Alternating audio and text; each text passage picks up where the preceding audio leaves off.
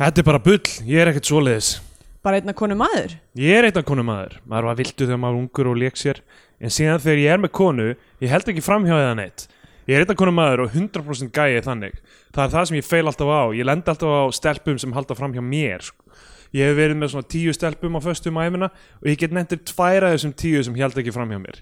Ég vel með svona konur. Ég er annarkvæmt of góður við þær Og það er bara, þú veist Eða ég er ekki nógu góður við þær. Það er aldrei neitt millivegur Það er típist Nei, alvöru, maður er aldrei nógu góður eða maður er of góður. Hvað er millivegurinn hjá þessum kettlingum? Það eru aldrei sáttar maður Kallmenn í dag sko, þeir eru annarkvort of mjúkir eða of harðir, það er ekki neitt millivegur. Ég tel mig alltaf verið í miðunni, en þá er alltaf kvartan. Það eru aldrei ánæðar. Það eru aldrei ánæðar. Hvað heldur það að sé það síðasta sem Sigmund Freud sagði áður en hann dó? Hann var búin að skanna og greina allt og allt, alla. What do women want? Það var eina spurningin sem hann fekk ósvarað. Í Bíotvíu dagsins tökum við fyrir kvikmyndir Robert Douglas frá 2004 Mjóttin, slá í gegn.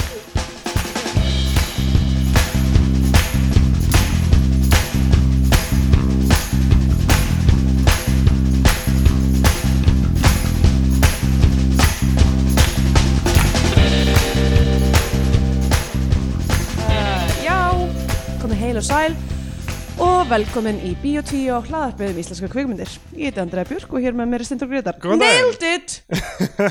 Held ég fyrsta skipti sem við byrjum aftur Vel gert. Takk. Uh, er all, allir ferskir í dag. Við erum fersk, við erum komin aftur á, af stað með þetta allt saman. Er Fjóriði hérna þátturinn. með ofsalega, ofsalega fínt kaffi í bolla úr nýju kaffivélinni sem Já. heitir Bambino. Bambino. Lítil kaffivél. Hey, I'm baby. Segir þessi Hvað gerir bann þetta kaffi? Já. Eh, Já, Ég tek alltaf svona einu sinna ári þá, þá af því að ég hata að kaupa mér hluti af því ég er eitthvað svona uh, á ég að fara að eða pening á ég að get ekki verið næjusamur og taka þátt í hjólum Tengi. kapitalisma svo, eitthvað. svo einu sinna ári, ég vil eitthvað haustin svona þegar það byrjar að vera dimmt og, og ég eitthvað þarf ég að vera í þessari íbúð bara í myrkrinu og þá, Mm. þá loksins kaupi ég nýja kaffivél eða eitthvað þannig eitthvað aðeins næs as a treat uh, og líka til þess að vega upp móti skatti Já, ég meina, líka það. Frílans Kaffi, ég veit ekki hvernig kaffi fekk þann status að vera bara eitthvað þetta er eitthvað sem allir þurfa alltaf. Já, Þetta er bara, ef þú kaupir kaffi vel og þú kaupir kaffi bönir þá er það bara, við skiljum engar áhyggjur, þú ert ekki að borga neitt skatt af þessu. Bara, við viljum að þú haldir áfram að vinna að eilífu eins mikið og þú getur og ef, að, ef að þú þart að dundra þessu í líkamanna þér á hverjum degi Já. þá verður það bara að hafa það kallið minn. Amfetamin ætti líka að vera frádrætt og bært já, 100% allir á, bara ég meina þú veist það er það svo, eða, I guess fyrir, fyrir suma nei, ég veit ekki, maður getur rúglega ekki dreigja frá skatti samt Nei, nei, uh, en ég var að sjá laga þetta. að bara bókstæða rétt áðan frá embætti landlæknis Já. uh, hérna, áskorun vikunar drögum úr koffinneslu sleppum koffindrykkjum eftir hádegi alla daga þannig að það er greinilega eitthvað þú veist, það er eitthvað Hvað? Af hverju? Hvað uh, er það? að því að svo ég haldi áfram að lesa þennan samfélagsmiðla post frá embætti landlæknis. Koffin getur haft áhrif á gæði sveps þó svo ef við náum að sopna eftir að við höfum drukkið koffindrykki koffin hefur áhrif á djúpsvefnin sem er mikilvægur til að við vöknum útkvíld á móðana það er ekki bara sveflengdin sem skiptir máli heldur það líka að huga gæðum svepsins látum koffin ekki skemma gæði svepsins hashtag sofum betur. Þannig að það er greinilega uh, hérna, Já. það er eitthvað samskipta mis sem er að fara að milli Nákvæmlega. hérna, vendanlega hvað þá, fjó, atvinnumála ráðuneytisins og uh, Já, það, þeir fá eitthvað svona slap on the wrist eftir þennan post eitthvað Hvað Já. er það? Hvetja fólk til að hætta að draka kaffi? Við Já. viljum að fólk sé herri, fucked up. framleiðni kallið minn, framleiðni Já.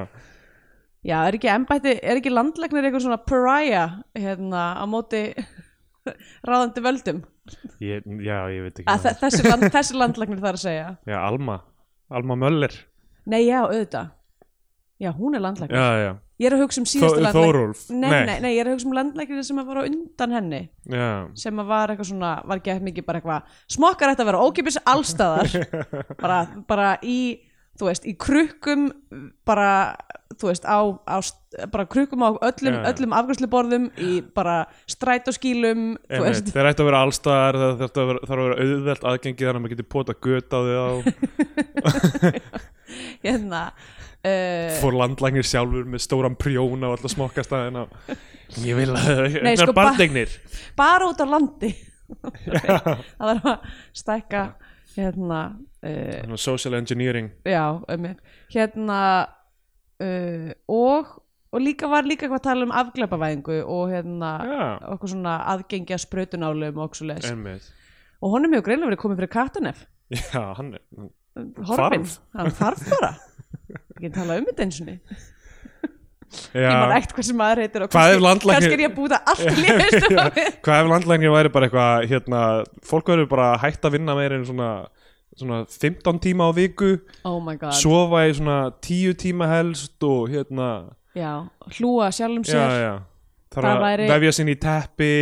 Var, já, mitt uh, landlæknir segir að uh, þú ert að vera í cozy inniskóm já, að minnstakosti uh, 15% vikunar einmitt.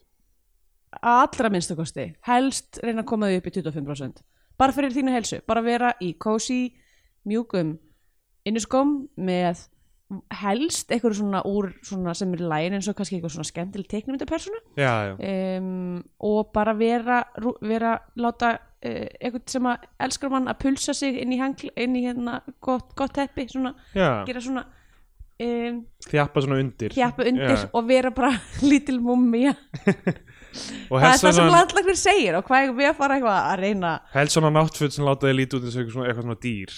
Já, einmitt, með litlum eirum já, svona hetta með eða náttserk og svona hatt. Já, svona nátthatt já, og, og svona halda lítlum kertastjaka og fa fara út, út alltaf eitthvað. Hvað, hva, hver bukkar á mín hús?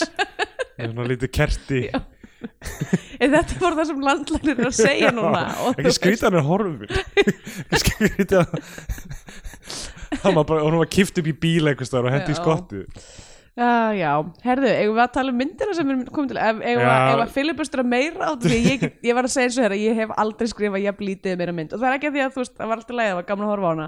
Það bara, Já, er ekkit það er ekkit, sko er plott eða neitt, þú veist, það er engin þú veist, það er smá saga en, fyrir mér er þessi sko mjóttin slá í gegn á ennsku small mall. Já, mér finnst smólmól skemmtilegt nafn, sko. Já, mjög gott nafn. Uh, Robert Douglas og þetta er, uh, þetta var 2004 og þetta er mert sem heimildamind ég sé hann var búinn að, hann var búinn að gera hérna, íslenska drauminn þannig já, og maður eins og ég. Og svo tveimur árum setna kemur út mjóttin slá í gegn frá honum árið undan strákarnir okkar. Og er mert sem heimildamind já, en hún er ekki hún er það ekki? Nei, hún er, þú veist, hún er að einhver leiti svona í hún, þú veist, þetta er eh, kannski eitthvað svona spektrum, sko, hversu margir í myndinni er vitaðir vitað að þetta er leikur? Já, mitt og þú veist, Nomadland er náttúrulega, þú veist, til dæmis með hún er eh, ekki heimildamynd en það koma personur sem leika sjálfa sig sko, mm. fólk sem leikur sjálft sig og uh, í rauninni er eina er, er bara tvær manneskjur í þeirri mynd sem eru, þú veist, personur og, sem leikar að leika. Já. en síðan koma, þú veist, hinn er vita að þeir eru í leikinni mynd kannski en, en eru þeir sjálfur einhvern veginn. Og svo er þetta eins og þú veist Under the Skin þar sem Scarlett Johansson er að keira um götur eitthvað Manchester eða, eitthvað, eða ekki Manchester eða einhvers staðar í norður Englandi og er að tala þú veist úr, í bíl með kam, faldar kamerur að tala við fólk og hérna bara á götunni. Já. og það fólk veit ekki fyrir en eftir á þú veist að það var í mynd þannig Mm. að það er bara það sjálft. Og þetta er alveg, þú veist, ég veit ekki hvort við munum eftir fleiri dæmum að þessu. Nei, ég nefnilega var hugsaði um allavega, það er ekkert dæmi á Íslandi sem ég man eftir. En svo, svo, svo gæti svo sem verið að séu einhverjar, myndir sem eru flokkar sem heimildamindir eða eitthvað sem eru faktist leiknar en Einmitt. af því að þú veist við heldum að þetta væri heimildamind mjög lengi Já, en þú veist, hún er það að því leitinu til að það er logið af flestum sem er í henni að hún sé heimildamynd Mhm. og en að minnstakosti ein persóna er leikin og, og það er það sem, sko það sem ég finnst vera eiginlega sorglegt við þessa mynd Mhm. er að ef hún hefði verið heimildamynd ég held að þetta hefði verið geggjuð heimildamynd Mhm. af því að allt sem snýra þessari aðalpersonu sem þú veist er eiginlega logið okkur að sé líka þú veist alvöru manneskja Já. sem er hérna leikin á honum hérna Erlendi Eiríksinni Mhm. sem uh, uh, já, að- dæmið er að hann lét ráða sig greinilega þarna sem einhvers konar aðstofar framkvæmdastjóri mjóttarinnar já, undir hvað þá, fölsku nöfni Nei, örgulega bara sem hann sjálfur sko Já. bara fólk pikkaði upp, ég las eitthvað fann eitthvað viðtal við hann á DFF eða eitthvað sem hann er eitthvað, bara enginn fattaði þó ég var að leika í Rómi og Júli á sama tíma þá fattaði enginn að ég veri leikari og bara held að ég veri bara þessi gaur sko. Ok, og þú veist, hann er, ég verð að segja þú veist, ég hef þekkt andlitið á honum í, í langa tíma ég bara gleymi oft hvað hann heitir og þú veist, hann er ekki beint já. hvað mest að, hérna, ábyrjandi leikar og hann er svona everyman looking einhvern já, einmitt, já, ég hafði ekki þú veist, hefur við síðan í einhverjum öðrum myndum með það Já, hann er, hann er öðru hverju sko í einhverju. Ok, um, en hérna hann, já, hann sem létir ráða sig þarna og vann held ég bara í eitthvað svona árið eitthvað sko það var alltaf heil lengi sko. wow og það er commitment það er rosa commitment sko. hann er alveg, í- hann er í sveitabrúðkaup hann er í mm. uh, duggkólufólkið, börn, mýrin, strákunir okkar mm, ok, um, og það, það sem ég finnst heila leiðilegt við þetta er sko allt sem snýra hans þessum fake fake Já. dóti sem hann er að gera mhm f- finnst mér vera distraction frá því sem eru bara mjög sætar sögur um, já, um fólkið sem vinnur í mjóttinni já, og við bara svona rétt svona snertum á sko. og svo far- byrjaði þær alltaf þann sem er kannski hvað hann er alveg áhugaverður svo sem er mest þarna en hann er, hann er líka svona þú veist, þau eru smá exploiting þar finnst mér sko. já já, einmitt. Alltaf, við þurfum að ræða þetta þegar við fyrir kannski niðurstöðunar en, en uh, myndin er á YouTube. Já, Einhver- það getur hver sem er rótt á þessa mynd hún er, uh, hvað slefa rétt yfir klukktíma já, og já. Þetta er hérna og það, já, mjög sérstætt sko og, og, þú veist, mörgur liti áhugavert en svona þú veist, það sem hún er en- helst held ég er henni að gera, bara mjög svipa á kannski íslenski draumurinn um, nema náttúrulega, íslenski draumurinn var náttúrulega bara kvikmynd, kvikmynd. Já, já. Er- þú- hún er með, með í svona mockumentary feeling já, hún er í sko. mockumentary feeling en hún er samt, þú veist, með alveg bara heilu plotti Já, já. og þú veist, hún er, það er já, það er alveg kvikmynd með uppbyggingu Einmitt. þessi mynd er, þú veist, hún er miklu minni í snið, svona, hún er svona lástemdari en hún er held ég bara svona fyrst og fremst punt, eða svona það sem er verið að reyna að gera hérna er bara að ná þú veist, ná þessu múti bara, bara ná einhvern veginn að- dokumentera stemminguna í Einmitt. sem að, þú veist, ég veit ekki hefur eitt, eitt einhverjum tíma í mjútinni ekki miklum sko. Um, ég fór í ristuspeglun í mjótinni einu sinni. Æði, einmitt, þetta er svona það, það sem dregur mann í mjútinni er yfirleitt eitthvað svona uh, já, já, það var reynd að gegja það sko. Ég, maður, maður er mjög dópaður þegar maður vaknar. Já, ok. Oh fuck, og þannig að það er bara eitthvað ráðandi mjótin að geta ópaður já, basically býð eftir einhvern veginn sækja mig og eitthvað já. já, það er oft, það er oft tannig dæmi hérna sem að eða svona, þú veist, maður fer á svoleis, svona staði, eitthvað svona small mall staði ég já. eins og fór ég ég fór í hérna, þegar ég var að láta taka úr mér alla jaxlana í hérna skeifunni og var síðan sko, þú veist að því að vera að taka óksla, þú veist að þetta var svona uppskurður það þurfti, þú veist, að eitthvað. Skera og draga það út og brjóta það í tvent og eitthvað algjört vesen. Og þannig að ég var, þú veist, með bara all, allt andlitið 100% dofið og það blætti ekki mikið úr munnum á Oh. mér. Og ég var svo svona, ég var svona alveg högguð og fór inn í skeifun inn í hagkup í skeifunni og var eitthvað að byggja um að fá hún át á klósetið og konan leita á mig og hún var bara, nei. Og ég var bara, hvað? leiti á glútið svo eitthvað bara sé að vera lind í slag eða eitthvað. Uh, og var líka mynd eitthvað svona svolítið krukkuð bara af livjum já. Sjá, Eh. maður fyrir strax á einhvern jaðar þjóðfélagsins strax að maður er eitthvað nýbúinur og eitthvað læknisaðgerð Já, mitt uh, og líka, þú veist, í stemmingin á svona stöðum, svona, þú veist, glæsibæ og ljútin og eitthvað er bara, það er búist, búist við öllu versta af manneskjunni á þessum stöðum. um, já, allavega. En já, ég hérna jú, svo sem alveg eitt einhverjum tíma í mjötinni það er svona ekkert langt frá mínum heimaslóðum þannig séð sko. Um, og líka það var tímabili í, í MH og þá var stundum hérna hendi bjórkvöld á kaffi strætó sem einhvers konar ég veit það ekki, þú veist einhvers svona djók. Já, já. Uh, það var alltaf, þessi bjórkvöld, það var alltaf verið að bara fara á einhverja bari sem, þú veist, Voru- hafðu þú veist, lítinn kunnahóp og var sama. Já, voru bara eitthvað svona ekkert eitthvað sérstaklega mikið. Mann það var eitthvað tímann þá var einmitt hérna uh, Björgvöld og Kaffi Strætó og vinu minn var ekki með neitt skilríki eða þannig. Já, já. og hérna, en hann var með mynd af David Hasselhoff í veskinu sínu og bara eitthvað svona, og hann spurður um skilríki og hann síndi bara myndina af David Hasselhoff og hleypti hann bara inn. What? það er greinilega alveg sama. Þetta vekur upp nokkra spurningar. Fyrstulega, akkur var með mynd á David Hasselhoff? Var þetta bara svona útprentuð eitthvað svona Nei, þetta var svona eitthvað svona, svona þú veist, ég veit ekki hvort þetta hafi komið með eitthvað svona tyggjopakka eða eitthvað líka. Þú veist, stundum komið eitthvað svona limmiðar eða myndir eða What? eitthvað. Og hann var ekki eins og búin að líma það einhvern veginn á neitt spjald eða neitt þannig Nei, nei, eða, þetta, nei, þú veist, það hefur þá örugglega verið, þú veist, eitthvað svona collectibles, eitthvað, eitthvað spjöld Já, þú var eins og svona beig- körfubolta mynd Já, nákvæmlega, nema bara eitthvað svona karakterar í Baywatch eða eitthvað líka.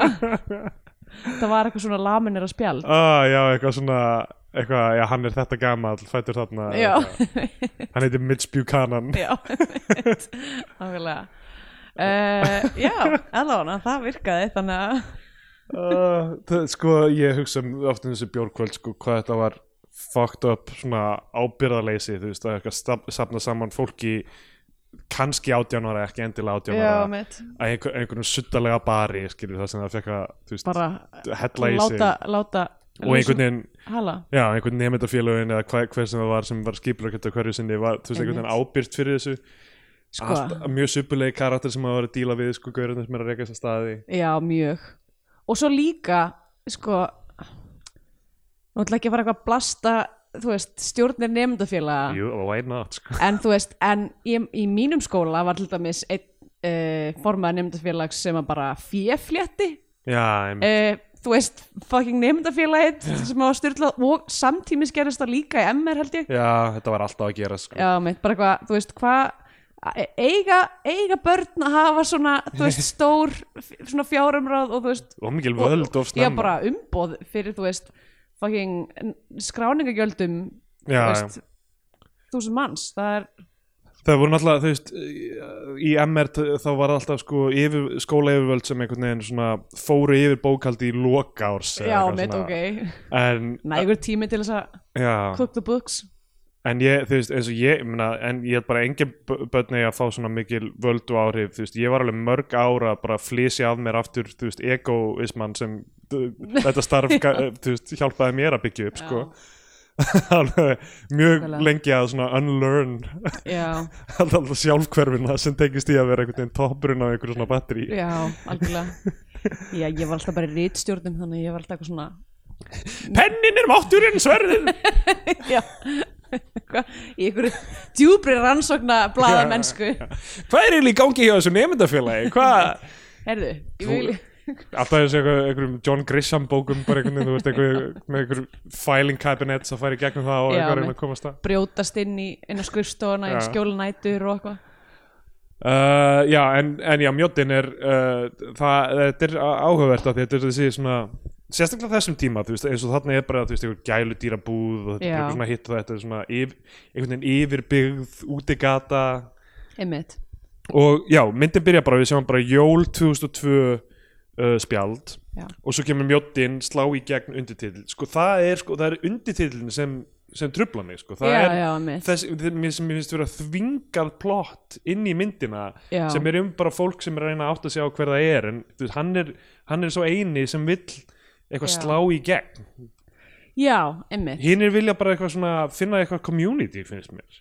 Einmitt. All, all, allar alvöru manneskjöndar eru bara svona að leita bara hey, hver er minn staður í lífinu þú veist. Einmitt, já, þetta er svolítið skrítið að því líka, þú veist, æfði ekki svo veit maður eiginlega ekkert, að ég að var, ég nefndi ekki fara í að rannsaka það til hlítar Nei, nei. hver- hverjir eru raunverulegir, hverjir ekki Já, já. en þú veist, ég gerir ráð fyrir að hann aðalgæin og vinur hans, að Damon Young er, já, Dömmu Young er er líka já. einna vin, eða þú veist, einn gæi einn hann mætir inn í myndina uh, og þú veist, þú veist, eru þeir allir þú veist, er gæin þarna sem að sem að, sem að hvers við, hérna, samtal við tókum í byrjuninni, er hann ég held að það sé alveg gaur sko. það er alveg gaur, vá, ok það, það, það er styrlað Ég myndi halda það sko Ok. ég, hérna, ég hef engar upplýsingur um annað því að þú veist uh, myndir var kynnt sem heilmildamynd en í þú veist meira sá þarna small mall plakatinu stendur við sendum eitt gaur til að láta að vinna í ár til þess að vera undercover já, og hann segir það í viðtölum líka þannig að þú veist ég veit ekki en mm. það verður mjög klikkað ef þú veist alveg þrjár fjórar manneskjur hefðu ráðið sig í mjóttina að bara allt í er bara allt starfslið mjóttarinnar og þetta er einhver leikar leikar, já, En sko, annað sem ég fannst áhugavert í þessu er sko, ok, eh, hann, hann, hann byrjar á, það, hann er aðstofa framkvæmdastjóri og einhvern veginn hefur burðið greinilega til að fá það starf. En framkvæmdastjórin er Höskuldur Kári Skram fréttamaður sem er lengi á stöðu 2, ég held að hann sé á rúf núna ég ekki, ég er ekki alveg að fylg- fylgjast með en hérna hann, Ok. þú veist, hann er alveg þekkt andlit núna. Var það kannski ekki þarna, ég held að hann hafi samt verið búin að vinna á mokkanum eða eitthvað, þú veist, þarna einhvern tíma. Já, uh, en það, hann er framkvæmdstjóri mjóttarinnar og mér finnst einhvern veginn svo ótrúlegt að hann hafi ekki vitað hver Erlendur Eiríksson er. Já. Að hvort hann hafi verið ráðinn inn með einhver svona wink eitthvað, herðu, ok já, við ætlum að- hljóma nú eins og hann þekki líka Róbert. Hann segir á einhverjum tímpóndi í einu samtali Já, ég er ekki að tala um sko Elías Gaurin þetta sem er að setja bæklingin ég er að setja, tala um Gaurin sem er hann er með svona, já, sem hann kemur í endana eitthvað fór, fór í nám til við fórum námið Berlínar. til Berlin já, einmitt, hann, já, já hann, hann sko, mér finnst einhvern veginn ótrúlegt að hann hafi ekki fattað þetta sko. Í, nei, hann hlýtur að vera inn á net sko. Sem er samt klikkað þó að ráða einhvern aðstofnframkvæmdstjóra í einhvern lengri tíma. Já, en kannski er það líka bara líi og ka kannski var það bara, herðu við skulum þykjast eh, eins og Að- ég sé nýja aðstofnframkvæmdstjórin Já, ég mæti hérna vinnu í en þú veist tvo hvað er framkvæmtastjóri hvað var hann að gera í myndinni? Já, nákvæmlega, maður sá hann aldrei vinna vinnu sko. þannig að kannski var þetta bara, herðu, ég verði hérna yfir aðvendun og við filmum og bara segja því þessi nýju gaurinn sko. já, og hann bara eitthvað, já, fínt, bara þú ert hérna í skjóli fyrirtækisins sem ég stjórna. Mhm. Að eitthvað að fólki. Já, mjög Já. fyndið, sko. einmitt. Uh, já, þess að við byrjum bara á að hann er eitthvað nýbyrjar þarna og er eitthvað svona að fara svona, bara að taka inn uh, mollið. Já, um, hann byrjaði að vinna 11. september og hérna, þetta er svona, byrjar á einhverjum svona 11. september brandara. Já, ári eftir að það gerðist og eitthvað ég byrjaði að vinna á þeim uh, tra- tragíska degi.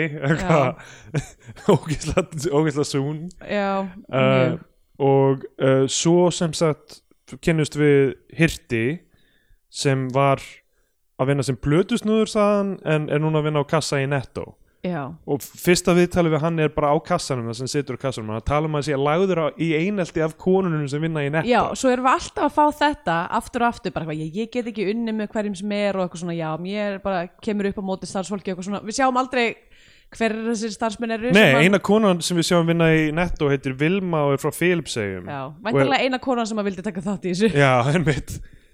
Og hún, þú veist, hún er þarna í einu bara, þú veist, eitthvað svona halva mínútu viðtali og síðan er ekkert meira, sko. Já, um, ég, hefur verið mjög forritin að sjá hennar sögu til dæmis sko.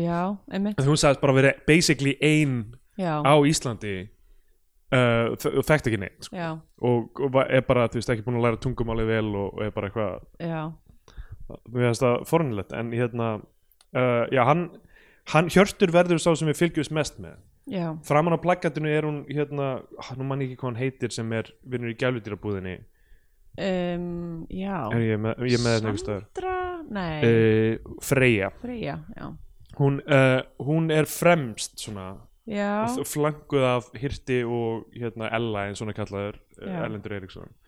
En hún er ekki stór, stór þáttur í þessu lík heldur sko. nei, ég menn hún er samt alveg, þú veist, hún er með eitthvað sögu, eitthvað svona smá en þú veist, Pingusu en þú veist, kannski var vandamáli bara það að, um, að hennar trajectory var ekkit, þú veist, það var ekkit svo mikið sem gerðist hjá henni. Hún fór og tók þátt í liftingamóti já, og var alltaf að tala um að hún ætlaði að fara að læra að gera tattoo.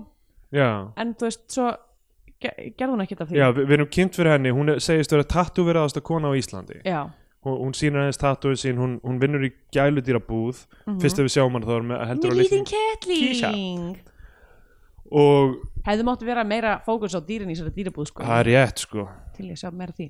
Hún vil opna tattústofu, hún á eitthvað, eitthvað frændfólk í bandaríkjunum með eitthvað sem er með tattústofu þar hann langar að fara þanga og læra eða eitthvað hannig Mhm. og svo sjáum við hann að fara að- að keppa í liftingum og, og hún ætlar að vera fyrsta konan á Íslandi til að ná 200 kílóum í réttstöðuliftu uh, en síðan er hún sínd gera backpressu og ekki veist, ná þingdinni sem hún var að reyna. Já, um, einmitt.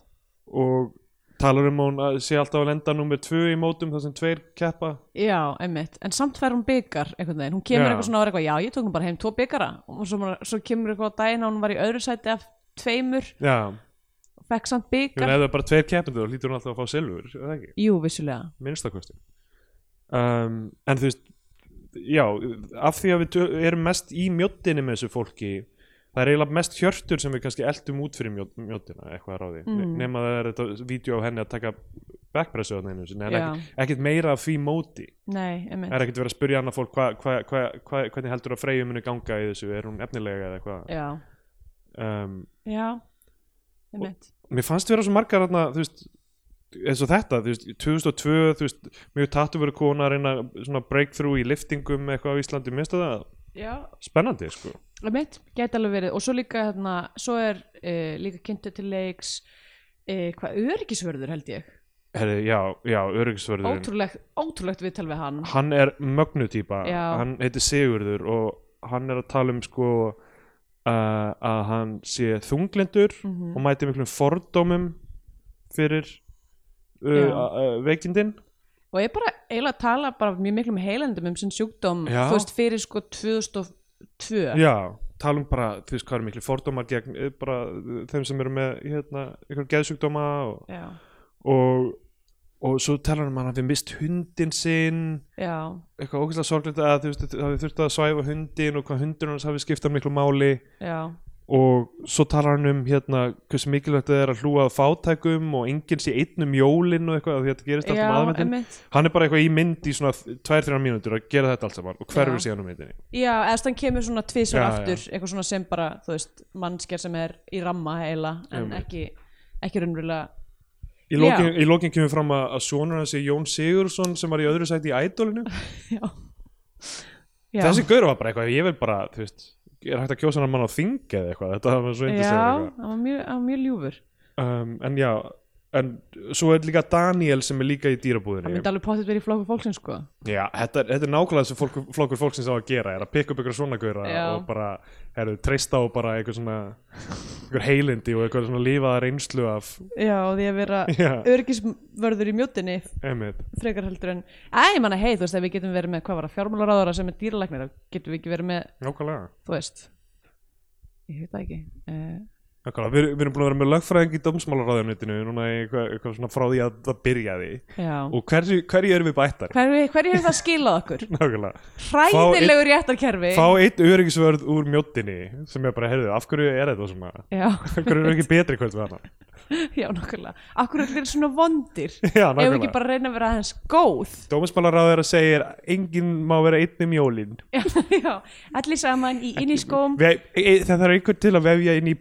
pulsuna Ég segi nokkulega, það þurfa allir að vera með eitthvað til þess að vefja sinni pulsu. Já. Uh, já, svo er Daniel sem vinnur líka í dýrbúðinni Mhm. hann uh, er uh, fór í Ok. leiklistaprófin. Já, emmitt Og komst ekki inn. Komst í 40 manna hóp. Já, einmitt. Uh, Hann á mögulega, ég veit ekki, það eru margar góða setningar í þessari mynd þessi mynd er bara, hún er bara væpa. Bara, það sem hún er að reyna að gera er bara vibes. Um, og hann er svona, svona greinlega verið að spyrja hann hvað hann gerir og hann eitthvað svona segir eitthvað í frítíma er ég svona kaffehúsarotta það er það sem ég er að gera. Gegja svo bara klift. Og ég var bara já, love. Ég get svo svarað það, ég hef, ég hef verið að hitt hann að manna kaffi vín Já. back in the day sko. Hlýtur að vera. Hvað er þetta fólk í dag, mér langar að vita. Nú það er búið að rífa kaffi vín þannig að það, ég veit ekki, já, það bara hætt að vera til um, já ég, Það er sér að segja fólkið bara gufaði upp á því að þú veist staðurinn er ekki lengur til fyrir það til þess að manifesta sig á. Á ég, á ég reyna að fletta þeim upp á Facebook? Ég er ekki með full nafn hjá þeim en það, hérna, það yfirleitt skilur ekki góðu maður Nei. Við fáum náttúrulega bara eitthvað svona, veist, breakfast club ending hérna, það sem að segir að hann hafi fluttnir í bæ og hafi sér vinna, sem mótel og hárgræslu maður heldur já, hann er hárgríslu nemi á þessum tíma já. Mhm, og já, vinna, vinna sem mótel ég sé það alveg sko. mhm. um, fyrir hennar 2002 stíl að það var sko. Um, þannig að þetta eru helstu karakterindi svo er Höskuldur Kári Skram sem ég, ég var viss um að vera leikari þarna í byrjun sko. en þú veist, síðan byrjaði ég að sjá hann svo var hann að setja upp bara hérna, jólaskreitingarnar þú veist, í loftið og ég eitthvað Nei, ok, hann, og svo fletti ég upp, ég bara fletti upp CV-una, sko. já, hann er bara Það með framkvæmstjóri mjótarinnar Já, Ok, uh, þannig að það er mjög fyndið. Um, og já, það er í rauninni ekki neitt fleiri sem eru uh, personur í þessu, þetta, þetta er allir sko. Já, og og uh, áhugavert af því að, já, jú, það er Elias sem er yfirmaður Netto. Já hann, mér, mér líkar ágætlega við hann líka sko. hann er, veist, hann hefur hann er mjög þólimóður gagvart rugglinu í bæði Hirti og, og Ella.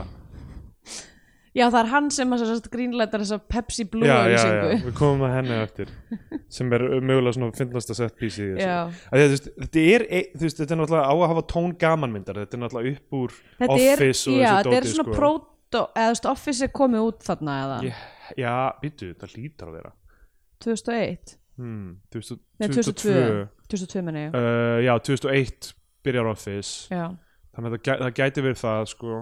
Og það Já. er náttúrulega mjög vinsalir þessi bresku svona uh, prank þættir sko.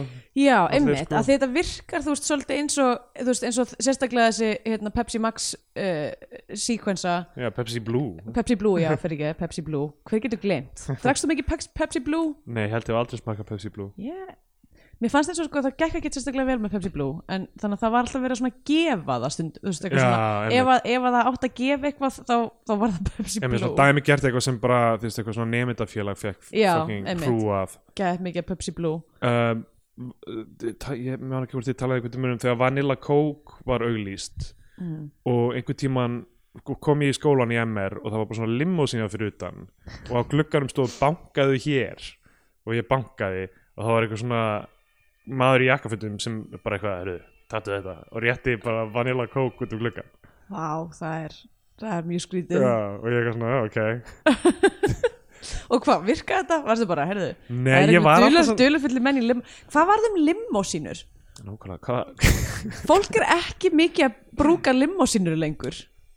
Já, einu sinni var eitthvað alltaf með eitthvað svona skólaböll eitthvað að mæta limósín í sk- skólaballi í hagaskóla. Já, mitt Ég held að fólk hafa bara komist að því að strax verið að innræta fólk. Landlæknir hefði þetta að taka fyrir þetta. Já, 100% Nei, ég held sko, já, þú veist, ég held að fólk kom staðið bara eitthvað, herðu það kostar ekki mikið meira heldur en bara leigubíl já, já, og ef við splittum kostnaðinum að því að komast alltaf miklu fleiri fyrir inn í limosínu það er rétt. Ég held að sko það, ég fór eins og þegar ég var að vinna alveg kól ólöglega 14 ára fyrir uh, Foss Hotel Ingólfur milli hver að gera svo Selfoss Eh. Foss Hotel Ingólfur? Já, þetta, þetta, þetta var svo skrítið. Þetta Foss Hotel hét Foss Hotel Ingólfur.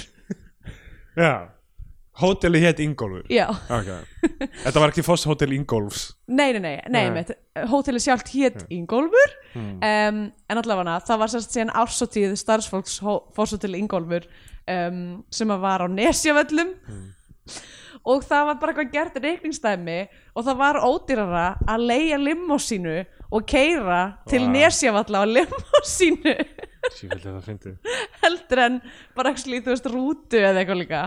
Þannig að við fórum, fara- bara, fórum bara öll í þessar lim og keirðum á nesjafölli uh, maður ætti náttúrulega alltaf að taka bara limosínu bara út á Keflavíkurflugöll já, sko ég held í Það alveg að ef það eru nóg margir að fara þá eru röglega ódýrara heldur en að þú veist panta bara venjulega legubíl já, eða taka hérna uh, Bjarnar Benrútuna. Bjarnar Benrútuna? Já, þarna Reykjavík Excursion Flybussin er hans fjölskylda. Já, einmitt. Ég held að það væri eitthvað svona euphemism fyrir þú veist, ég veit ekki, eitthvað hummer legubíl eða eitthvað líka. Bjarnar Benrútan uh, já um, allavega hver, hvert voru komin já, uh, Pepsi Blue, nei já, ég ætla að já, segja da, já Daniel var meina að finna sögu þarna af því að hann er eiginlega ekkert mikið í þessu heldur hann er bara í augnablikið í þessu Já. hann talar um þegar hann eitthvað svona hann mataði leigubíl einhvern tímann og bara Já. gæti ekki fengið leigubíl og svo hringdi hann aftur og bara eitthvað, herrðu, þá er panta eitt uh, leigubíl, nafnið er Hilmisnær og það kom leigubílinn bara strax Já, einmitt. Þetta er sko þetta er mjög mikið af svona sögum. Ég held að þetta sé bara svona það sem er verið að reyna að fá út úr fólki. Bara Já, svona, já. þú veist, ná, e, þú veist, einhverju ákveðinu múti á karakter, þú veist, þessi karakterir eru svo 100% bara eitthvað svona, þetta eru samtölun sem eru að eiga sér staði í mjótinni á hverju minnsta degi. já, já, Uh, þú veist, eins og þannig þegar, hann- þegar gæinn byrjar að tala um hann hafi fullnægt konu 60 sinnum á Já, já. einum, einum klukkutíma emitt eitthvað var eitthvað, ó, honey það, eh, ég hef, já. Það er keiluhöll líka í mjótinni mjög Já. mikið af svona karakterum þar uh, mann eftir að hafa ég Það- gle glemdi einni konu sko sem er í þessu, sem er, vinnur í netto og er bara í eitthvað svona einu viðtali og svo er hún ekkert nefnd í lokin í hérna, Nei, spjöldunum einmitt, hún er kannski hún, hún eitthvað, hann langar að gera hún er bara, akkur ætti þetta ekki að vera bara besta grænmetis bara borði í heimi og eitthvað? einmitt, hún er eitthvað svona, talar um að hún hafi bakgrunn í þessu að því hún var að vinna fyrir pökkunar til hagkaupa í að pakka græmiti Já, einu og hálfu ári var hann yfirmaður ávaksta pökkunar hagkaups. Einmitt, og svo eitthvað í svona einu viðtali þá er hún þú veist í eitthvað svona, eitthvað svona kaffistofu eða eitthvað nettó og situr hann og, og það kemur einhver kona inn á kaffistofuna sem gerir hann ætlar að fara að tala með hana en sér síðan að vera að filma og svo stendur hún bara hann í bakgrunni af því hún vill ekki eitthvað trublana en hún vill ekki fara úr mynd heldur þannig að hún bara eitthvað svona stendur í mynd í svona mínútu meðan hún talar og bara svona horfir á. Það er mjög fyndu og svo er klift og þá er hún bara horfin og Já. viðtalið heldur áfram. Einmitt. En já, einmitt líka þessi, einmitt svona þetta prankdót, ég, er- ég upplifi mikið þú veist að það sé kannski verið að reyna að ná einmitt einhverjum svona samtölum já, já, út úr fólki og þess vegna sérstu með hann agent þarna, eða þú veist þennan, þennan leikara. Já, já. Og, það, og ég skil það sko, ég skil það. Það er bara, og, og þetta þetta er svona mikið til er þetta gert með allt í lagi svona hlýju og eitthvað já, já, þannig en mér finnst þetta ganga dálítið langt með hana hjört. Já. að, að svona bara þeir eru eiginlega að þeir finnst þetta ofindið hversu hversu, þú veist, klúles hann er varandi kynlíf og, og allt það og þú veist, hvernig Já. hann tala um konur og eitthvað svona, þú veist, þannig að það verður eiginlega bara svona, hei, hei, fyndi hvað þessi gaur er bara fucked á því, skilur og einmitt.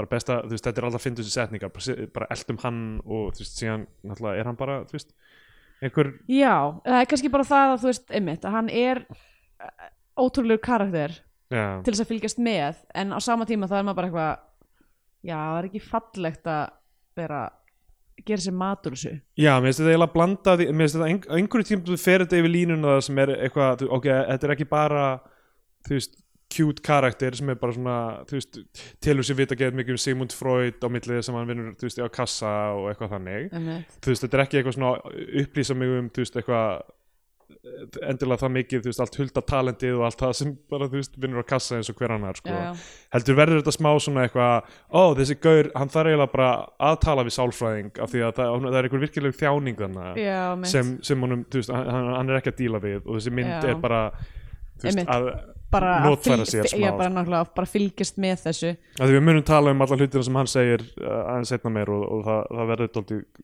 grós, sko. og svo líka einmitt í, í kombo við það sem hann er alltaf að segja bara eitthvað svona, hann, hann uh, unir sér ekki, eða þess að hann er alltaf að lenda upp á móti starfsfólki í netto. Já, já, og þú veist, ég gerir ráð fyrir að það er sér konur sem að vilja ekki taka þátt í þessari mynd. Einmitt. af því að síðan, þú veist, í lokin kemur á daginn að hann eitthvað neytar að un vinna undir konu Já, og eitthvað, og maður er eitthvað hann svona bara sagði við hann Elias yfirmann bara eitthvað, ég, ég get ekki unnið með konu sem yfirmann og Elias, þú veist, greinlega bara eitthvað bara eitthvað bara þetta er fáranlegt en hérna augljóst að hann var aldrei að fara að endast hér. Einmitt, og það er löng sena það sem hann er að hætta og er að tala við Elias og bara tala um hvað, eitthvað, bara ég er bara búið að vera gott að vinna með þér og eitthvað svona og Elias er bara svona, já, já, bara hlustar á hann svona, fari í gegnum eitthvað svona emotional, eins og þetta sé eitthvað svona örk að lokast hjá Já, að hætta að vinna hjá Netto.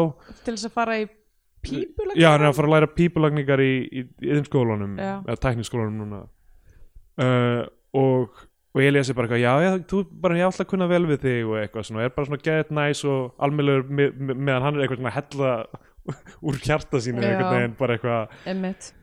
Og segir síðan eftir á bara eitthvað, já, þetta var náttúrulega aldrei að fara að ganga því hann bara ber ekki virðingu fyrir konum. Já, og já, svona, já, já, það, maður, maður kynni svona karakterum, þetta er náttúrulega, hann er fyndingaur en hann á eitthvað erfitt eða eitthvað, segir hann basically og þá er maður bara eitthvað, já, já, eitthvað Úff. ekki já, en uh, já, af því að hann sko ok, það er sequences sem byrjar sko með Pepsi Blue það er sem sagt, þú ka kassagaurin er búin að tala um hann þegar á djammið í, í Reykjavík, hann er alltaf að sjá fjölni Þorgesson, hann labbaði hann og skemmtist að meðan fjölninu var ennþá í rauðinni þá fór hann fram hér sem er Já, til ennþá, er það ekki? Hmm. er hann ekki American Bar núna? Já, jú, það er rétt. American Bar núna? American Bar núna. Uh, jú, það sem fánin er þarna, bandarinski fánin sem er á vegnum sem er með eitthvað svona 47 stjörnur hver lagði það að telja þær? Ég gerði það. Ég var eitthvað, það er eitthvað off og ég taldi alltaf stjörnum og ég eitthvað, ok, þetta er eitthvað svona þetta er eitthvað prí hérna, Þetta er eitthvað svona Jim Crow fáni sk- Nei, ég meina, þú veist, Hawaii kom ekki inn í fóldið fyrir, Já, ég held að Hawaii og Alaska koma þarna einhvern tímann já frekar seint, frekar sko. seint. En nei, það er ennþá fleiri ríki sem vandar sko. þetta er eitthvað svona allavega, mér fannst eitthvað svona off við að þessi fáni væri það, það, það, þetta er auðvitað bara vanhugsað og enginn taldi stjörnum þar en mér hugsaði bara, ef þú velur sérstaklega fána frá fyrir tíma sko, þá er eins og þú sért að gefa í skín sko, þetta, eitthvað voru, svona, þetta, þetta- var gullöldin sko. þessi American bar eh, telur ekki eh, Já, með Hawaii og Alaska Emmitt uh, já. Já. en hérna uh, já, hann, hann er að tala um þetta fjölni og herri já, mér fyndi uh, hérna, áður en við fyrir minni í þetta Pepsi Blue, Höskuldur Kári Skram er fyrir eitthvað á kaffihús og er eitthvað, já, býnt að fara hérna á þetta kaffihús, þú veist, rétt fyrir utan mjóttina og ég er samt með yfir sín einhvern veginn. Gott, maður getur dru- fengið sér hérna maltbrauð með osti og drukkið tró- trópi og og ég er eitthvað, að, þetta er svona smá þessu í Ed Ekki, Sheeran, já, Hrafnar en- Sólar og Mirra. Hérna uh, hvað var það? Uh, sótabrauð og eplajógurt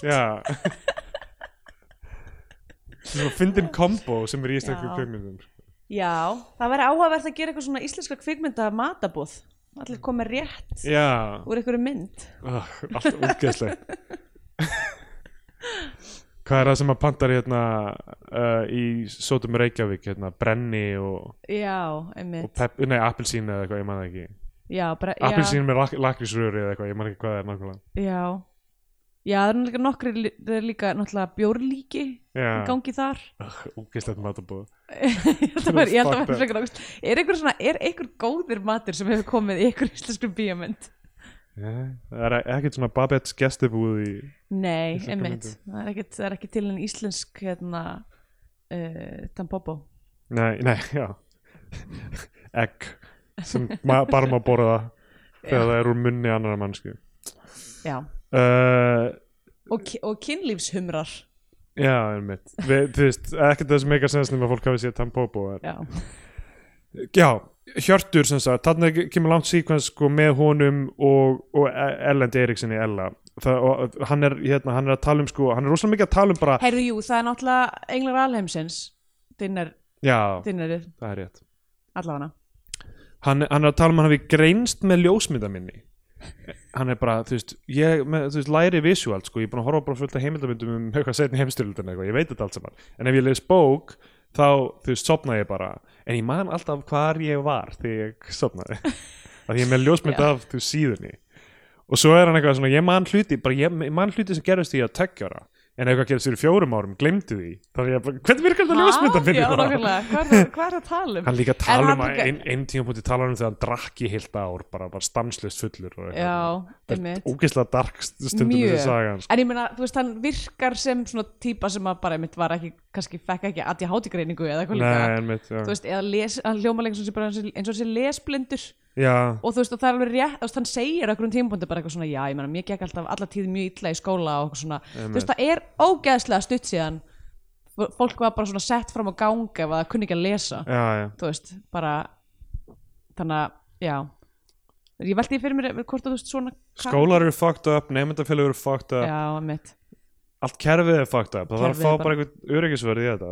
Já, nákvæmlega, við þurfum að fá hann bara í efstu stöðu. Já, einhvern næs mann sko.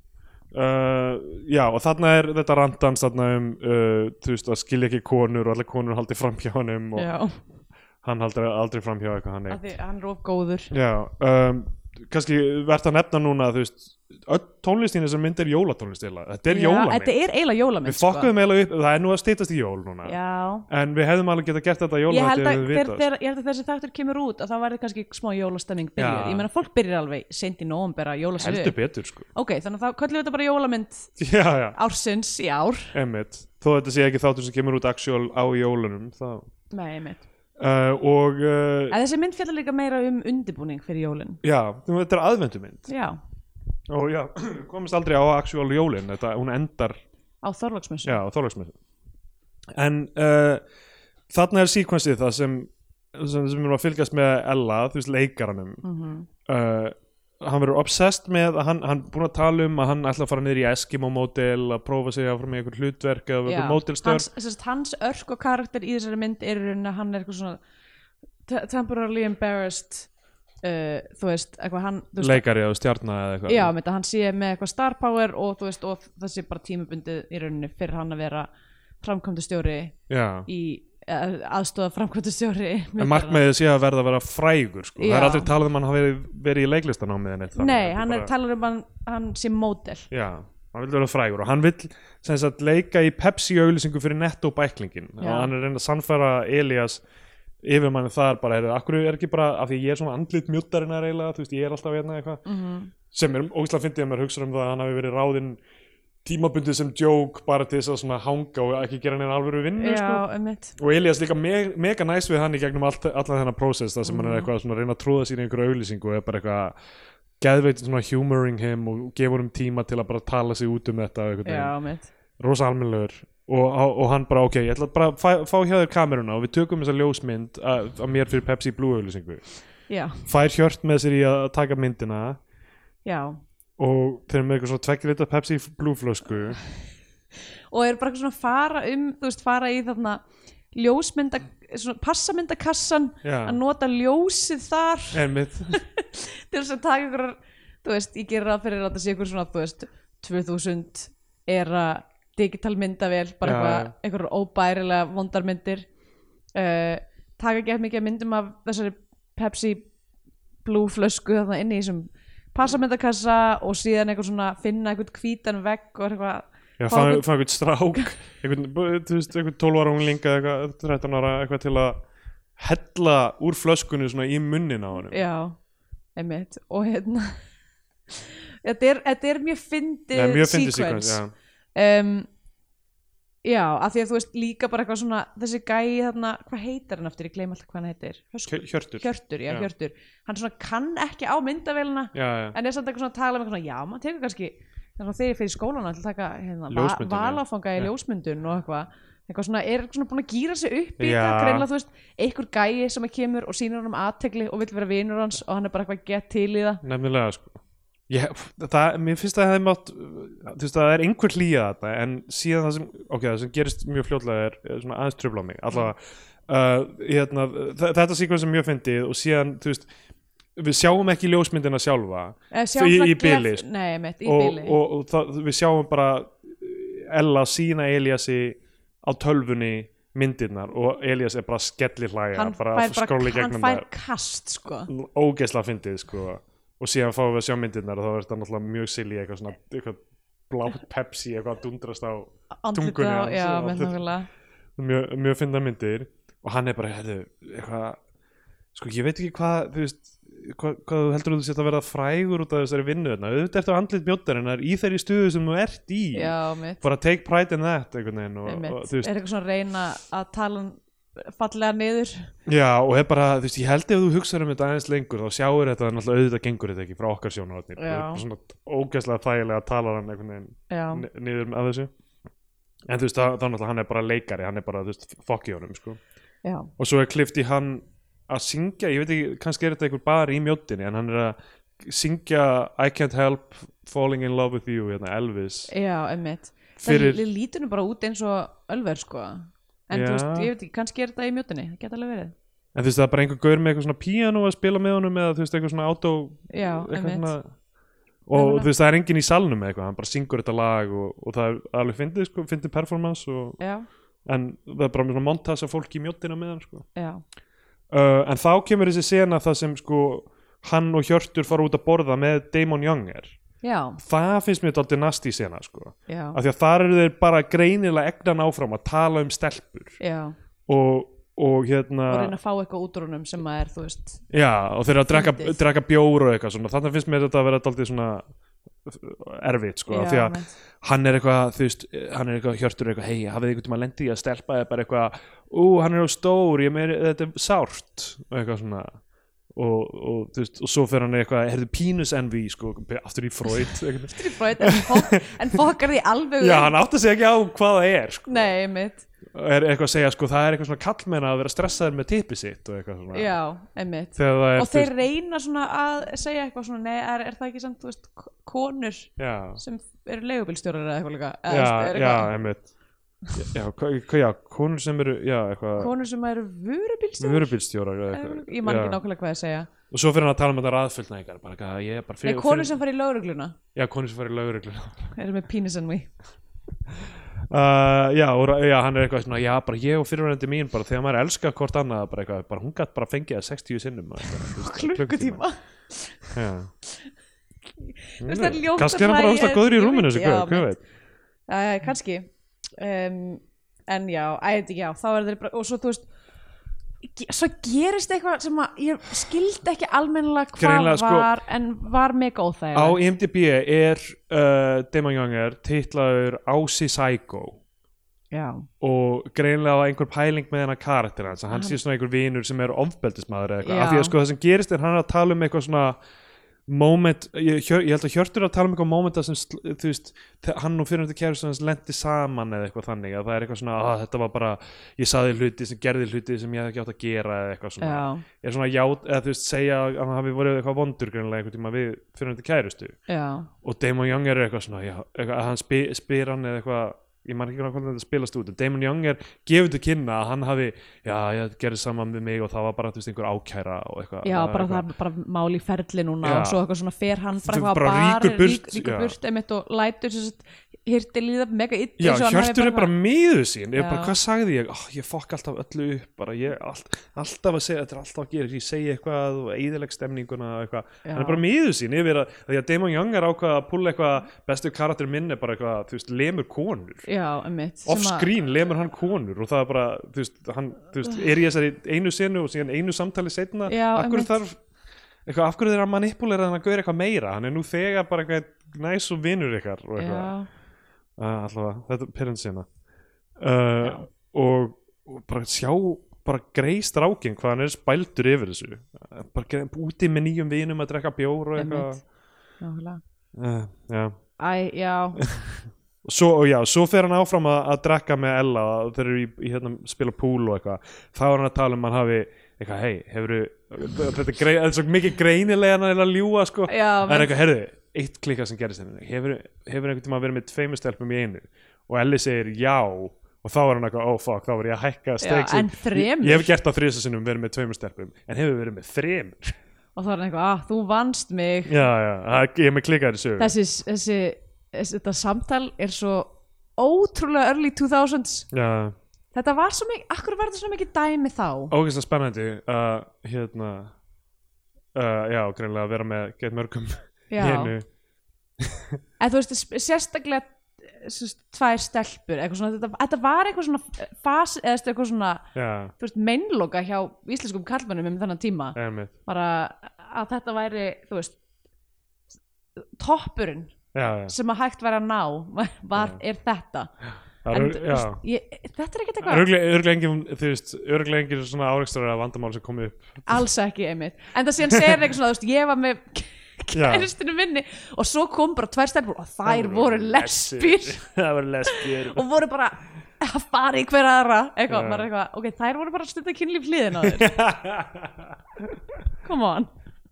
Uh, Þú veist, hvenær telst það þrísom? Þurfum allir að hafa snerst?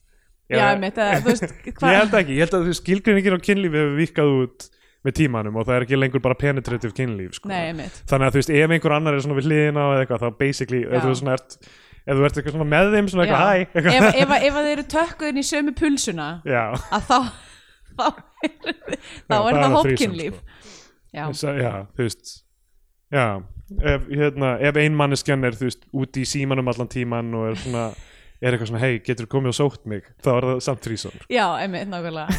Ef að, þú veist, þetta er hérna family sketsin Hæ? Já, já, þetta er birthday boy sketch birthday boy sketsin Já, family. Það er að muna að posta honum. Ég, ég kom með eitthvað svona lista af hlutum sem þarf að posta yfir. Já, að þú erum að taka upp fyrir fram í tíman sko, Ten adult men, no children. That's a family. Just ten, ten dads. Ten dads, it's a family. Stack of magazines. That's a family. Do I need to say it? uh, Sko uh, Já, þarna er þið eitthvað daginn eftir þá eitthvað svona eitthvað, þetta var nú meira djamið í gær og eitthvað og, og uh, þetta er síðasti dagur hann síðan, Já, sko. hann, er, hann er að hætta til þess að fara í ennskólan Já, og mér finnst hann eitthvað, ég, ég, er búin að tryggja mér hérna framfæslu og hann er eitthvað, hvað fegstu námslán? Nei, eitthvað svona já, eitthvað. hvað Hva, fekk hann? hva, hvað var það? Já, en allavega, hann, hann fyrir í nám og uh, hann, hann kveður hann Elias og eitthvað það og, og við fáum að vita þetta með að hann vildi aldrei vinna undir konu og allt það. Já, en þarna er sko hérna Ellie fyrir í klippingu greinilega til eitthvað sem hluti af þessum mótirpælingum og hún er eitthvað svona smá silly og hún er samt ekki eitthvað það slæm. Nei. Og Damon Young er bara að gera þa- þarna er bara sena með tveimur leikurum sko. Já, mitt, Damon Young er bara að tala að um þessa klippingu. Bara já, mér fannst bara, þetta er bara eins og Hugh Grant eitthvað, Hugh Grant er ekki með það svona eitthvað. Nei, mitt og svo sjáum við eitthvað höskuld þarna yfir mannin eitthvað svona upp í glugga eitthvað svona að vera eitthvað svona benda á hárið og eitthvað svona, þú veist, kommenta og eitthvað. uh, Já, þetta er skrít eðst, ég, sko, ég velti því fyrir mér hvort að þú veist, var planið allan tíman að þú veist, að segja eitthvað svona herði, við sendum leikara hérna inn í þú veist, eða var, þú veist, var kannski bara ekki búið að ákveða sérstaklega þú veist, aðferðafræðina við hvernig þessi mynd ætti að vera framsett og sólinn að koma inn um gluggan og kýtla á mig nefnan Æ, ó, ég, sko, öll öndunarfæri minn og allt bara, þetta er allt svo mikið mess einhvern veginn, nefi Já. mitt og ég er alltaf mun, og, og munnurinn munnurinn minn er fókt, ég mér er alltaf að svelgjast á öllu. Ég fæ mér vassopa og ég þarf bara að hósta í eitthvað tvær mínútur eitthvað, það er eitthvað off við þetta allt saman hjá mér. Bara allt, heila ég, ég, batterið. ég held að þú eru að fara með fjöl bara inn í þetta allt saman og aðeins vika það Bara- eitthvað taka svona sleif já, já. og sko fucking undanfarið eitt og halvt ár með COVID í gangi og allan hnerrana af því að bara ég fyrir út og sólinn bara er úti og ég byrja bara að hnerra byrjar að hnerra af sólinni kýtlar á mig neppan þú segja þér það það er eitthvað sem þú ættir að fara til læknir svo ræknir, sólinn er alltaf að kýtla á mig neppan neppan hann er eitthvað, þetta hefur við í pulsu. Og þetta bara að vera með eirun í náttfötunu og þetta pakka þér inn? Og ég, ok. Hæst þú bara inn í skó, kallið minn? Þetta var landlæknir, landlæknir núna bara með litla stofu þar sem hann er bara, hei, hvernig á að vera kósi já, hvernig á að fara út úr þessu kerfi? núna uh, hérna, bara skrítið en satt. Landlæknir er munið eftir hérna uh, eftir sæta bánsanum fram á teginu hann er landlæknir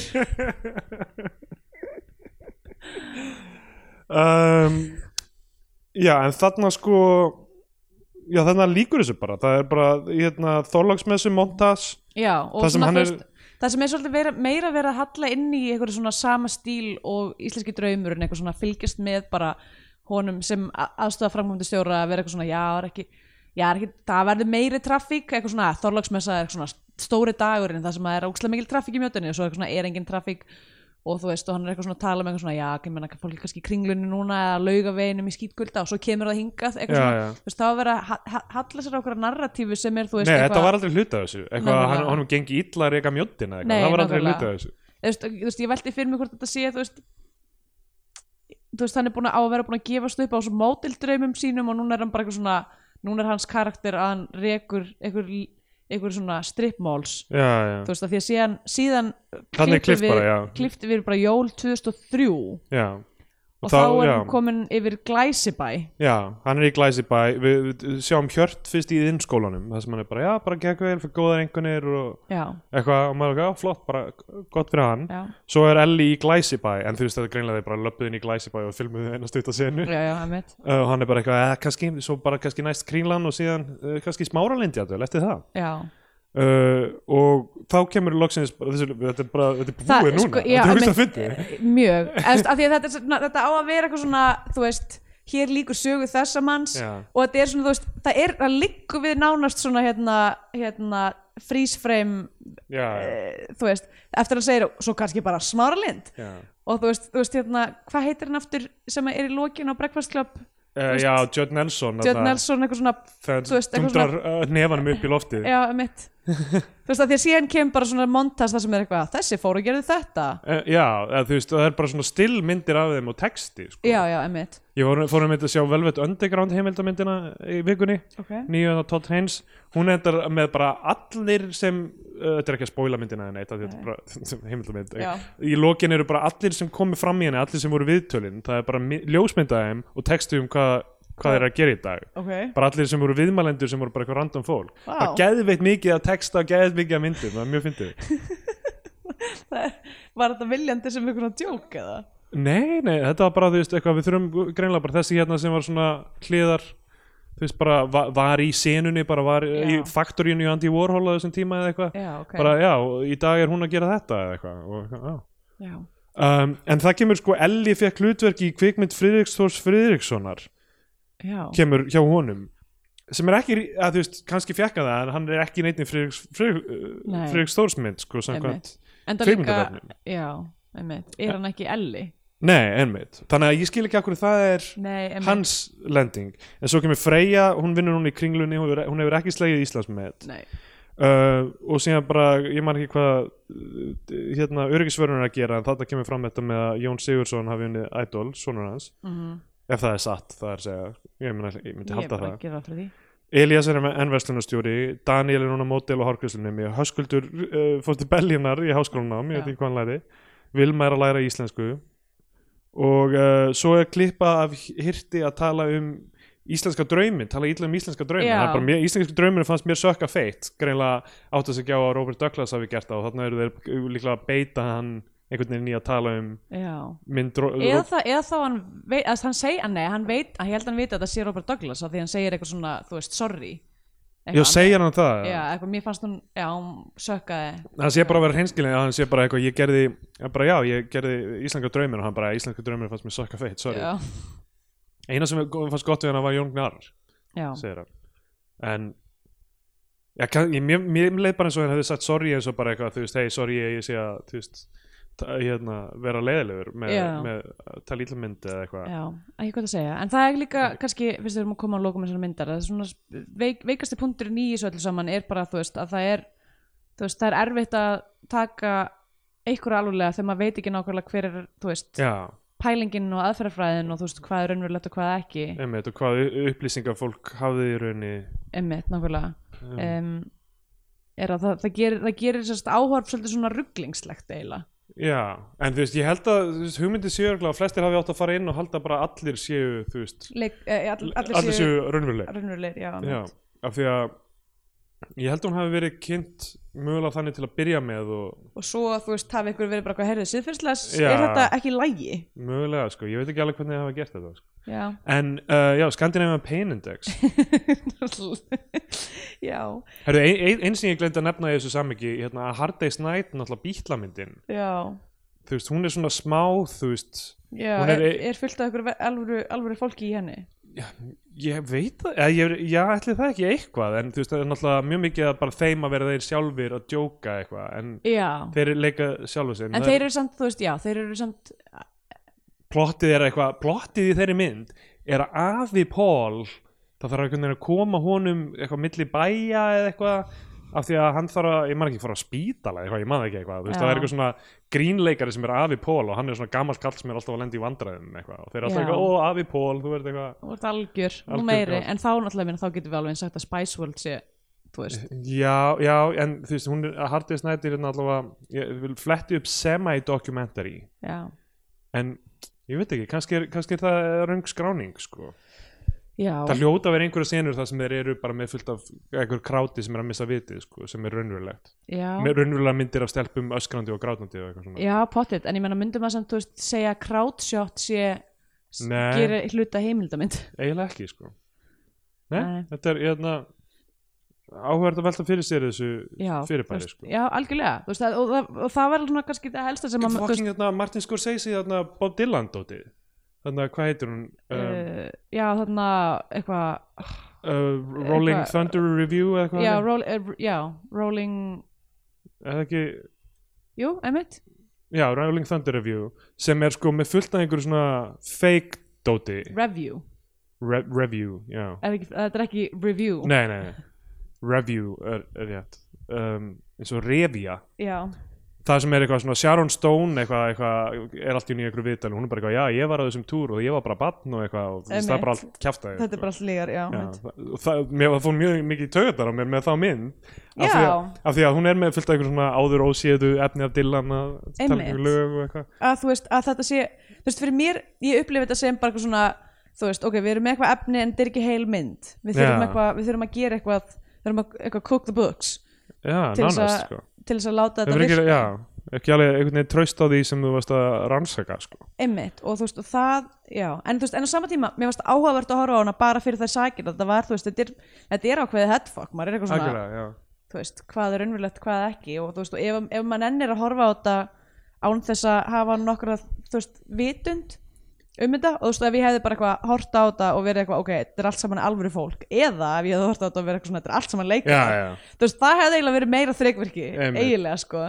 Uh, já, eru Scandinavian Penindex og síðan uh, fari, fari í okkar skoðanir? Já, einmitt, já, uh, ég náttúrulega, þú veist, mér finn, ég skrifaði eiginlega bara, þú veist, í uh, nótuna mínar sem er Scandinavian Pain, well, mjótin, Já, þú veist, þetta gerist, þú, það er fáir staðir, þú veist, að, undaskildum suðunesjum sem að, þú veist, eru meiri svona harmkjarnaðar,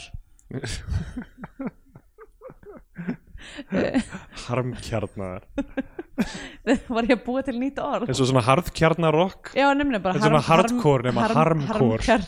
harmkor Það, ef að þú veist, ef að kæmi eitthvað gott hardcore frá suðunesjum, þá væri það eiginlega harmcore. Já, Hérna, sem er örglega, það er örglega eitthvað hljómsveitir sem koma já, já. sem eru uh, já, að vinna með mikinn harm trúgjöðru, en allavega mjóttin er alveg svona, hún er, hún er svona þú veist, svona svolítið eins og veist, eins og Sunnydale í Buffy er eitthvað svona, þú veist, það er svona helmáð undir Mm. Sunnydale. Já, það er já. svona gerist alltaf svona mikið að spúki Já, hlutum. Já, já. Og það er, þú veist, það er eitthvað svona grafreitur eða eitthvað undir mjóttinni já, já. um, sem gerða verkum það bara mjög sorglega stemming þar. Og þú veist, jú, það var alltaf sena með spákonu Já, þetta, já. Þar sem hann lætur lesa tarotspil. Uh, náttúrulega þú veist já, meir hlutin af díalógnum um- og þú veist því sem gerst í myndinni er bara eitthvað svona samspil eitthvað svona eitrara karlmennsku Já, að já, eiga sér stað og þú veist, eitthvað í henni í þú veist, kynferðsofbeldi og eitthvað, ég veit það ekki. Já, eða kannski ekki kynferðsofbeldi, en allavega eitthvað ofbeldi heimilsofbeldi eða eitthvað, ég veit það ekki. En allavega, þú veist, það er definitely og þú veist, og basically, opnun, byrjunin á þessari mynd er bara svona fólk að segja bara svona, já, ég ætla ekki að vera hér að eilifu Já, einmitt. Þú veist, allir sem að er tekið viðtal við er bara svona, já, þú veist, mjóttin er pitstop fyrir mig. Já, ég vil helst ekki vera hérna að eilifu já, einmitt. Fyrir utan kannski, hérna, netto yfirmannin Já, já. Sem, ég og konuna sem að var ógstlega obsessed með að vera með bestu grammelistill Já, landsins. Já Ég sem að fílaði var hana. ógstlega ljúf, mér langaði að sjá meira frá henni Já, hún hún getur hvarf svona alveg, sko. dedikerið í að vera með eitthvað grammelistill bara eitthvað, Já, það er ógstlega áhugavert þú veist, point of view. Já, bara, bara flott sko. Allavega, ég ætla bara að gefa þessari mynd uh, þrjá af fjórða í aðvendu Eru fjórir í að, já það eru fjórir í aðvendu, það er ég Þetta Það er fjögur kerti. það er fjögur kerti, Það er er spátumskertið og það er Já, eh, einmitt. hinn kertin. Það er Langt síðan langt síðan hef verið með aðvendukrans Ég er alveg að missa tengslinu við þessar íslensku hefðir Já. Nú er maður bara eitthvað að halda upp á eitthvað Friendsgiving og eitthvað kjaftaði það sem maður yeah, taka þátt í einhverjum fucking eitthvað genocide uh, hérna ok, Friendsgiving er sko. annað það er ekki Thanksgiving Býtu, var það ekki þegar uh, Christopher Columbus drap alla vini sína? já, emmitt Jú, þetta voru hans bestu vinir og hann draf það alla. Ég var að lesa hérna eitthvað bók sem heitir hérna, People's History of United States Já, sem er bara eitthvað fyrsti kaplinn er bara þegar Columbus mætti til Bandaríkjana þá var bara, og síðan bara, það var bara kommunist samfélag og, og það var bara allir liði í sátt og samlindi það var síðan, utopía Allir voru í þrísomum í sínum, já. e, sínum e, pulsum. Einmitt, og síðan einhvern veginn uh, bara ógeðu felda lýsingar. Þetta er bara hræðilegasti lestur sem ég sé. Já. og ég eitthvað, já, ok, þetta er, þetta er einmitt það sem þetta er byggt á, já, já, Já. ok, best fara í Friendsgiving party Það er svo styrlað, það er svo algjörlega styrlað Ég meina Friendsgiving, við, skulum, við köllum það ekki Thanksgiving, við köllum það. Friendsgiving af því að það snýst bara meira um að hitta vin okkar og við erum ekki eitthvað að minnast Já, þess hvernig Christopher Columbus gaf uh, hérna, innfætum hérna, fucking teppi með políóvírusnum það var bara að hosta á teppi hann var eins og ég, leit Ah. í sólinn og hnerrað á teppin. Já. Já, náttúrulega þetta er, þetta er hræðilega saga og þú veist, og að ég veit ekki, ég er komin nóg að því að fólk eitthvað svona, þú veist, tala um uppruna bandaríkina sem eitthvað annað en bara fólk sem vildi ekki borga skatt. Já, bara sorry, en þetta er þetta eru rætur bandaríks samfélags og það skildi engan undra hvernig bandaríkin eru orðið núna af því að þeir sem að bjöggu til þetta samfélag var bókstæðlega fólk sem var bara eitthvað mín langar ekki að borga skatt af spilum. Það var það sem að fucking olli þessu þessu ríki sem er að drepa plánutun okkar í dag. Já. Og svona, já. við eitthvað lið sem að vildi ekki borga skatt af spilastokkum Nákvæmlega. spilast okkar, come on. Spilastokkum, come on. Fuck kert og spil hérna, já, næsti kafli í bókinni síðan ég eitthvað, úf, þetta var erfið lesning. Já, já, hvað, hvað er næst, það var bara eitthvað hérna, þrælahald. Þræ, ég var, fuck, þetta er svo ókeðslegt allt saman. Uh, en alltaf, hérna, ég ætla að gefa henni, þú veist, uh, fjögur ja, af sex í Pepsi Blue kippu. Uh, þá er komið tímpútið sem við gefum myndina hvað sex á flagskip íslenska kveipmynd og farum íslenska fánan. Ef við mennum frekar með hlustundur horfum einhverja bandarinska Hollywood-dellu og farum bandarinska bjána. Já, uh, já, sko þess, þú veist, ég ég gæti verið alveg, þú veist ég, ég er ekki eins harður við þessa mynd held ég og ég myndi vera af því að þú veist, það er það er einhver hlýja mestmægnis í þessum viðtölum við Já, fólki og, þú líka bara svona svona antropologísk eh, svona fasnering á já, þú veist það er ekki verið að horfa mjóttina það er ekki verið að horfa niður á nei, mjóttina nefnilega, nefnilega ekki sko, og þú veist, og þessi pæling sem er þú veist, ok, þetta er bara stopp fyrir mig með ég fyrir eitthvað annað uh, sko, er alveg áhugaverð, sko, þetta er áhugaverð pæling með, þú veist, hvað eru þjónustustörf er þess að konan sem vil verða best í heimi að gera grænmetisteild, Mhm. finnst mér áhugaverð af hverju er þetta ekki eitthvað sem við hugsum um bara hvað ef ég er, þú veist ge, reyni bara að setja minn metnað meðan ég er í vinnunni á hana borð í að Mhm. gera þessa upplifun sem besta. Er, er eitthvað sem er veist, minna á Íslandi en til dæmis í bandaríkjunum það sem þetta skiptir ógeðslega miklu máli. Mhm. og, og þú veist, eins og ég upplifði í Pólandi mér, veist, í Kraká bara ótrúlega góð þjónust Mhm. ekki í Þýskaland, eða ekki í Berlín allavega er, Nei, en það eru aðrar ástæður fyrir Já, því. Hér í Berlín er, þú veist, og fólk talar oft um, um bara eitthvað, þú veist, það sé engin hérna, þjónsturlund og engin hlýja en þú veist, það er, sko, ég hef aldrei tekið því illa, því ég er bara er á sam, ég er á sam, þú veist, ég er bara svona, við erum hérna þetta er, Einmitt. þú veist, við erum þú veist, við erum að eiga eitthvað skonar eitthvað, eitthvað skonar exchange en hvort okkar vill það. Já, já, ég er alveg þar líka, þú veist Einmitt, ég, og það er allir bara, við skulum komast í gegnum þetta bara með þessum minnstu veist, Já, minnstum fyrirslætti og, nákvæmlega og þú veist í- það, það vinnur, í Berlín er fólk ég held að grunnurinn fyrir því hvernig, hvernig þjónustulundir í Berlín er að það er engin þú veist, the grind er ekki hérna. Fólk á sér líf utan vinnu. Já, já, og þú veist og það er lögð meiri áhersla á frístundir og þú veist að fólk eigi þú veist líf sem að gefur þeim fyllingu heldur Já, en já. þú veist að það sé af öllum borgum sem ég búi, ég búi núna í hvað Reykjavík, San Francisco, New York, Stockholmi og Berlín. Já, á öllum þessum borgum þá er Berlín hendar mér besta því að hér er ekki þú veist það er ekki, rattir þessi er ekki í fyrsta sæti. Nei, nei, einmitt. Þannig að og þess vegna held ég að fólk er ekkert eitthvað svona að þú veist smyrja á þjónustulundina því það er bara eitthvað svona þú veist ég klokka mig út og ég er Já, að fara þú veist í skva, að fara að taka þátt í skvassmóti eða eitthvað líka, þú veist það bara er með eitthvað allt annað í gangi. En það er það sem ég finnst líka þú veist, og, það, og ég, með, það, og það, ég fæ smá það væp líka frá, frá þeim eins og gæludýra búið stafsmörunum Mhm. sko þú glemdum að nefna senuna það sem er falin myndavél á kassa hjá hirti það sem hann er þú veist, að Já. reyna að byrja að spjalla við eitthvað fullt af fólki. Greinlega bara dálítið einmanna gaur. Já. hann er að reyna að spjalla við hérna fólki á kassanum bara eitthvað, hvað, er, hvað er badnegnir í vændum? og eitthvað svona eitthvað, er eitthvað, erfitt eitthvað uh, já, klára nám fyrst eða eitthvað, já, hvað ætlar, já, hvað ert að læra? Hún er eitthvað fata hönnun, já, eitthvað, já, hvað ætlar að síðan út eftir það eða eitthvað? Að fara að læra erlendis eða eitthvað, hún er, já, sé til eitthvað. Bara eitthvað svona off-screen eitthvað rödd já, einmitt. Um, og uh, en, en þú veist það, en þú veist, það sem hann er að gera hann er náttúrulega pínu weird og alltaf en þú veist ég, ég hugsa oft sko einhvern veginn um þú veist, af hverju er ekki meira svona þægilegt þú veist, ég upplifa reyndar á kebabstænum hérna á hotninu já, það er svona aðeins verið að djóka. Ég er alltaf smá á, svona on the back foot af því ég bara þýska minn er ekki nógu góð til Já. að vera fyndin. En þú veist, það er aðeins verið að djóka og mér finnst það góð upplifin líka sko. Að, að það sé svona, þú veist, eitthvað svona létt yfirbræði yfir þessu dæmi. Er í, þau eru í vinnunni, þau vilja skemmta sér í vinnunni eins og hver annar sko. uh, en hérna en þetta, veist, þetta er áhugaverð í rauninni rannsóknarspurning sem mér finnst þessi mynd aldrei leggja í sem er, þú veist, hvað eru þessi störf? Já. hvað er communityð sem verður til í kringum þau? Einmitt. af því hún verður svo obsessed á annars vegar að elta hjört af því hann er svo weird og, og þú veist, Já, alltaf verður að setja skammar og að búa til þetta dæmi í kringum Erlend sem bara sem að er bara önnur mynd Já. veist, eða, þú veist, e, allt til að ég held að já, það er bara íslenski draumurinn tvö það sem ángra mér er mitt bara þetta eru tvær myndir inn í einni mynd. Já, uh, Og ég held að ef þau og, hefðu og bara- hvorugur þeirri er eiginlega gert háttundur, nógu háttundur höfði sem sitt konsept af því það að vera þú veist að flakka á milli þess að fylgjast með honum eitthvað reyna að koma sér inn í eitthvað mjóttarbækling og þú veist og síðan að fylgjast með fólkinu í mjóttinni er, það er alveg fyndistöf en ég held að skemmi hans heldamyndina sko. mm. uh, þannig að ef- þú veist, ef hún hefði hattað sig meira í bara veist, þetta fólk, hvað er að gera utan vinnu, þú veist viðtök kannski, þú veist, fólki í kringum þau sjá hvað þau komast langt með það koncept. kannski reyndu það og það gekk ekki upp það getur vel verið sko.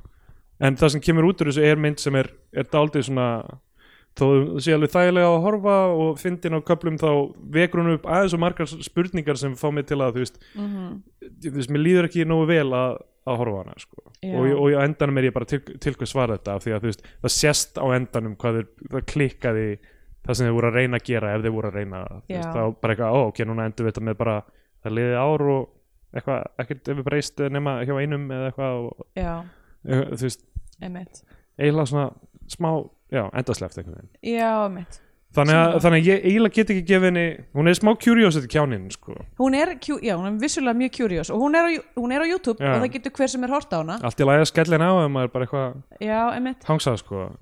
Ég var að laga gati í gallabjúksunum mínum. Uh, það var mjög, þetta var bara þú veist, þetta var alveg huggulegt að horfa á þetta sko og bara svona hlusta á uh, ílýra einmitt, ef þú ert með eitthvað svona markmiðum eitthvað, ég ætla að horfa á 100 nýjar kvikmyndir á þessu ári, þá er þetta einu sem hægt er að horfa á Já, og það tekur þig svona 25 mínútum minni tíma en, en játtvel styrstu myndir í fullri lengt sko. mm Þannig þannig það að já, ég er en bara banderski bjónir frá sammála. mér og uh, ég, ég, fuck, það var eitthvað sem ég nefndi á hann sem ég ætlaði að mæla með en bara já, Under the Skin. Under the Skin. best að horfa bara á hryllingsmyndina Under the Skin.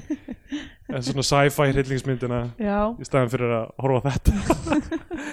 Uh, já, ok hérna ég er bara á sammála sko. Eða, þú veist, þetta var ekkert eitthvað slæmt en þetta var einmitt, svona form, formfræðilega veginn uh, gekk ekki alveg upp og Já. Erlendur líka, mér finnst hann góður í þessu svona, þú veist, hann lukkar smá eins og þessi gaur, ég trúði þessu já, nána sko, ef ég hefði ekki vitað þá, já, einmitt.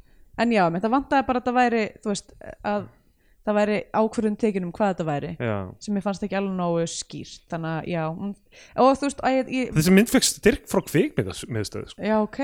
Ég veit ekki hvernig, ég veit ekki að þú veist að hvaða leiti, þú veist, kannski eftirvinnsla kannski, Sem handrit? kannski, kannski er eitthvað svona heimildamönda styrkir eða eitthvað, ég með þá hver Já. eru fórsendurna þar sko?